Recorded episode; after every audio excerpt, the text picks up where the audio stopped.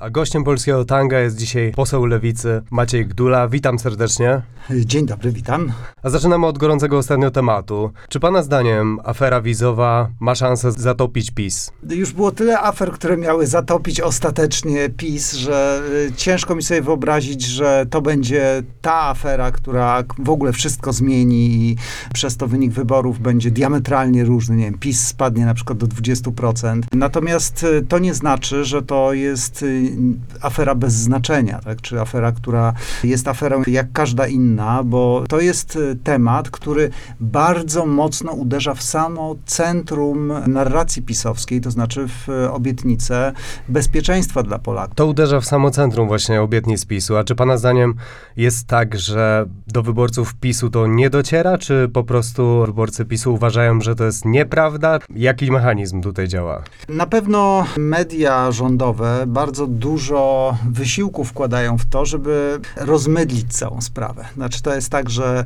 e, afera jest mała, e, tak naprawdę odpowiedzialny jest e, jeszcze poprzedni rząd, bo on outsourcował usługi wizowe i tak naprawdę największym problemem są nielegalni migranci, którzy przypływają do Europy Zachodniej i których Unia Europejska chce tutaj przysłać. Więc to na różne sposoby media się starają tę, tę sprawę zbagatelizować, e, jakoś rozproszyć uwagę publiczności, skierować na, na trochę inne wątki, też związane z A bardziej wyborcy PiSu w to nie wierzą, czy bardziej to do nich nie dociera jako informacja? Istotne jest, ja, ja to robię, e, chodzę do mediów publicznych i mówię o tej aferze. Tak? No, ona jest też wielowątkowa, bo to nie jest e, wyłącznie to, że sprzedawano wizy. No, tutaj ciężko jest e, pisowcom mówić, że było inaczej, skoro zostali zaaresztowani urzędnicy MSZ-u, a sam Wawrzyk został odwołany przed zupełnie aferą.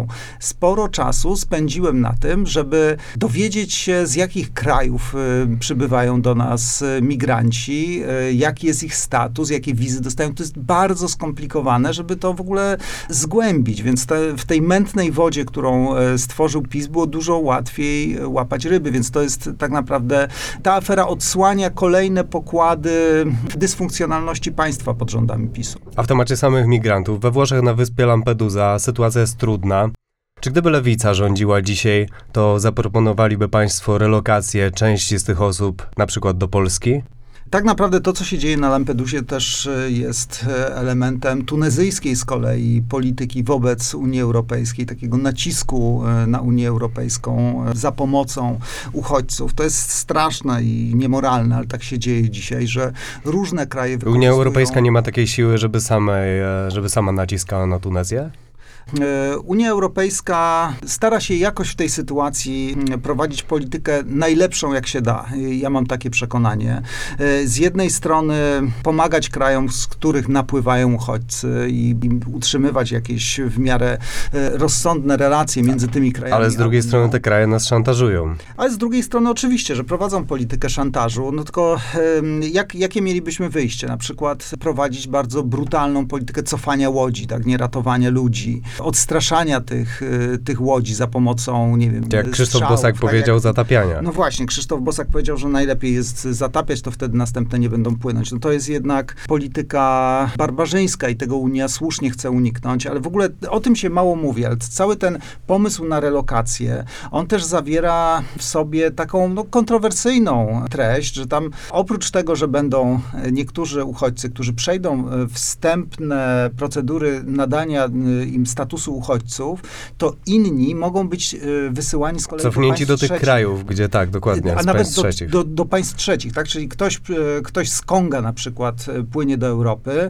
i jest cofany później do Maroka, a nie do Konga. Ale to też legalizowałoby to, że Polska mogłaby uważać za bezpieczny kraj? Białoruś.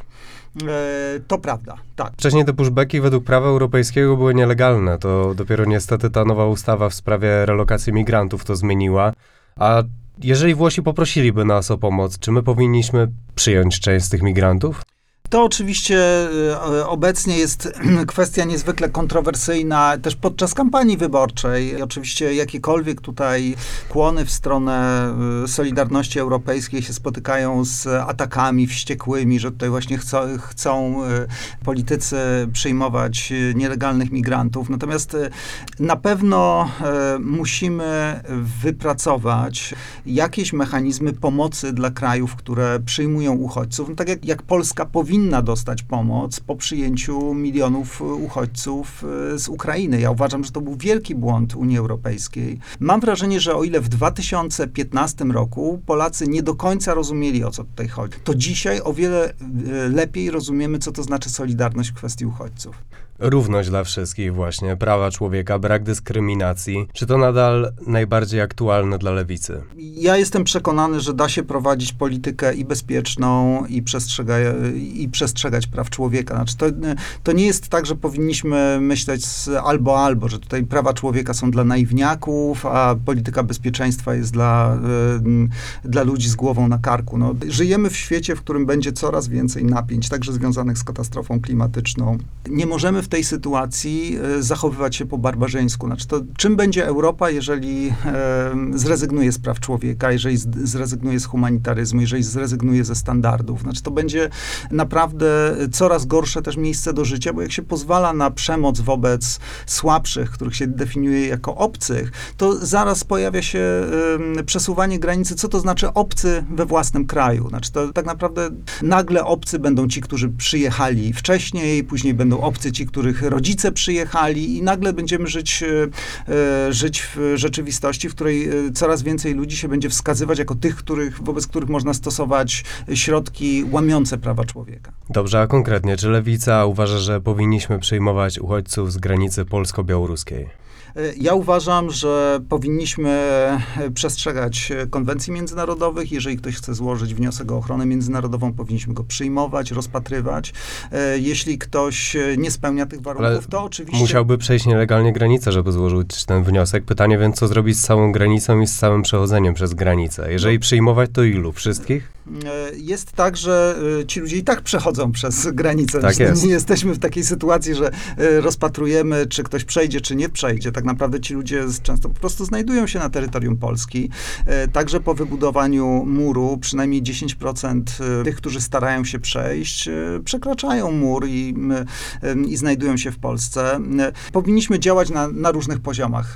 Z jednej strony przyjmować te wnioski, przestrzegać praw człowieka, z drugiej strony y, na rzecz tego, żeby przeciąć szlaki migracyjne, żeby zniechęcać ludzi do podróży do Polski, żeby mówić y, na przykład na Bliskim Wschodzie, że jest to podróż niebezpieczna, że często tych, którzy podróżują, spotykają szykany ze strony y, służb białoruskich, są traktowani bardzo y, brutalnie, nieludzko przez Białorusinów. Musimy robić różne rzeczy, żeby zmniejszyć ten, ten ruch wywoływany przez Łukaszenkę, ale przy tym nie tracić z oczu praw człowieka i praw osób, które, które też często po prostu uchodzą z krajów, gdzie ich życie jest zagrożone. No tak, ale lewica jednak mówi o prawach człowieka, o równym statusie wszystkich ludzi. Jeżeli kierując się tym jeden do jednego, to dlaczego mielibyśmy odrzucać jakiekolwiek wnioski ludzi, którzy składają do nas e, prośbę o e, legalizację pobytu u nas? No część ludzi y, na przykład nie chce składać tych wniosków. Y, to też jest y, rzeczywistość na granicy. Część ludzi na przykład woli zostać wydalona i jeszcze raz spróbować przejść przez, przez mur. To są bardzo Dlatego, że ich też nie jest Polska. Oczywiście, że tak. To jest jeden w ogóle z aspektów, który powinniśmy rozważać w sytuacji w ogóle rozmowy o migracji, że Polska wciąż nie jest głównym krajem w Unii Europejskiej, do którego ludzie chcą migrować. Także też takie straszenie y, ludzi tym, że tutaj będzie nie, jakaś wielka fala migracyjna i ludzie tutaj y, relokowani na przykład w ramach mechanizmu Solidarności tutaj napłyną jakimiś milionami, no to jest, y, no to jest bajka, fantazja. Tak patrząc na to po polsku, to nawet jeżeli byśmy przyjęli w ramach mechanizmu relokacji tych ludzi, to, to przecież nie wsadzimy ich do obozu, to by było już to, to nieludzkie, nieetyczne. Wytyczne. E, oni prawdopodobnie z Polski i tak wyjadą. No mamy właśnie w Polsce kampanię teraz wyborczą. Wielu wyborców jednak uważa, że antyimigracyjna nagonka PiSu Konfederacji zadziałała tak, że lewica boi się w mediach jasno zadeklarować otwartość wobec uchodźców. Czy to nie jest zdrada ideałów? E, y, Ja nie zauważyłem, żeby ktokolwiek z lewicy mówił, że nie należy stosować e, standardów humanitarnych i przyzwalać, przymykać oko na łamanie praw człowieka. Nie, nie spotkałem się z taką wypowiedzią, więc tutaj mamy raczej konsekwentne stanowisko, takie jak mieliśmy, e, kiedy ten kryzys migracyjny na m, granicy białoruskiej się e, zaczynał. A jeżeli chodzi o migrację w ogóle, no to my mówimy raczej tak. e, Zamiast straszyć migrantami, tak jak to robi PiS, a z drugiej strony sprzedawać im wizy, y, z drugiej strony wpuszczać bardzo dużo y, ludzi do Polski, sprowadzać z bardzo różnych krajów, także takich, których występują y, ryzyka terrorystyczne, y, no to lepiej zacząć y, po, poważną debatę o tym, jaka ma być polityka integracji migrantów, bo y, dużo PiS mówi o tym, o, y, po, y, chcecie tutaj popełniać błędy Zachodu, ale tak naprawdę to PiS popełnia wszystkie błędy Zachodu, wpuszczając ludzi, myśląc, że oni przyjechali tylko na moment do pracy, a nie myśląc o żadnej polityce migracyjnej, takiej polityce integracji. Tak, no, to jest dokładnie to, co robiła Francja, co robiły Niemcy w latach 60. i 70. E, My musimy wypracować jakiś model e, polityki migracyjnej, na przykład postawić na to, żeby ludzie uczyli się języka, żeby mm, e, przeciwdziałać powstawaniu gett e, w miastach, e, bo to jest jeden z rzeczywiście z czynników, które utrudniają integrację e, migrantów. Ale pytanie, czy na pewno, czy jest szansa, że powinniśmy jednak konkretnie przyjmować tych uchodźców z granicy polsko-białoruskiej w większej ilości? Mam tutaj na myśli na przykład to, że Polska przyjmuje te 400 tysięcy nawet zgłoszeń z krajów dalekich nam kulturowo. Czy tyle było na granicy polsko-białoruskiej? Wątpię. Czy my tym ludziom nie możemy po prostu zaoferować pracy? Pytanie, czy, no tak jak wracając do tego, tego wątku, o którym już rozmawialiśmy, pytanie, jak wielu z tych ludzi tak naprawdę chce tutaj e, przyjechać, się osiedlić. Na pewno sprawa e, z granicy białoruskiej, e, skala tego jest rozdmuchiwana, bo to Ale może sedno tkwi w tym, że gdyby cała Unia Europejska mi- przyjmowała większą ilość pozwoleń o pracę dla tych ludzi, to po prostu oni nie przyjeżdżaliby koczować na, na granicę, nie przepływaliby przez morze, dlatego że jednak no, liczba odrzuconych wniosków przez Unię jest duża. No to jest, to jest rzeczywiście jakby ważne pytanie, jak wielu migrantów może przy, y, przyjąć Unia y, i mm, gdzie jest ta granica nasycenia y, migracją. Tutaj trzeba w moim przekonaniu rzeczywiście działać ostrożnie, o tyle, że bardzo łatwo można przekroczyć pewną granicę, po której zacznie się rzeczywiście niechęć wobec migrantów, kiedy migranci będą postrzegani jako zagrożenie, jako Ale załóżmy, że lewica byłaby w Polsce u władzy, czy dobrą polityką migracyjną nie bylibyście w stanie spowodować tego, że tej, ta niechęć by nie powstała, dlatego że oni po prostu by się integrowali? Ja jestem przekonany, że dobra polityka integracji jest w stanie rozwiać lęki. Mam wrażenie, że jest takie jakby takie, takie dw- dwójmyślenie, czy taka dwutorowość. Z jednej strony ludzie, e, jak rozmawiają o migrantach, to mają w głowie te obrazy, które też na największe partie polityczne wypuszczają na temat uchodźców, a z drugiej strony jest rzeczywistość i, e, i realność miast, w których ludzie korzystają e, z, z dowozu jedzenia. Dowóz jedzenia w dużych miastach jest wykonywany przy, na przykład przez Pakistańczyków. Jedzą u Turków, remonty robią im Ukraińcy, sprzedają w sklepach Ukraińcy. Znaczy, naprawdę dość dobrze w ramach gospodarki układają się te codzienne relacje i naprawdę jesteśmy beneficjentami tego. No też powiedzmy to, że polscy emeryci dostają składki płacone przez, Przez obcokrajowców, przez obcokrajowców. No, to, e, No właśnie, mamy praktycznie milion e, obcokrajowców, którzy u nas pracują, płacą podatki. Wielu z nich to Ukraińcy. Czyją winą e, jest obecny konflikt Polski z Ukrainą? No myślę, że tutaj się nałożyło bardzo dużo różnych interesów. Roz, rozwikłanie tego tak naprawdę mm, też, też zajęłoby nam sporo czasu, e, ale mm, w, ja mam taką perspektywę, że w tym konflikcie trzeba uwzględnić interesy Polski i rolników. Przede wszystkim dlatego, że ich nieuwzględnienie sprawi, że będą rosły napięcia między Polską a Ukrainą, żeby wciąż była dobra, żeby wciąż były dobre relacje, musi być takie poczucie, że nie traci się na, na wzajemnych relacjach, że, że, że nie jest tak, że Ukraińcy dlatego, że prowadzą wojnę, y, mogą na przykład swobodnie y, sprzedawać swoje produkty i to prowadzi do, do spadku dochodów rolników, do destabilizacji rynku rolnego. Znaczy musi być jakieś takie poczucie wzajemności zachowane, jakieś takie poczucie poszanowania wzajemnego interesu. No właśnie, pytanie, czy takim poszanowaniem było to, że Ukraina już wcześniej, nie tylko teraz, pozwała Polskę do Światowej Organizacji Handlu e, WTO z tego powodu, że zapłaciliśmy naszym rolnikom odszkodowania. Jakiś czas temu też został wezwany ambasador Polski w związku ze słowami ministra Przydacza o tym, że Ukraińcy są niewdzięczni. Czy on pana zdaniem powiedział częściowo prawdę?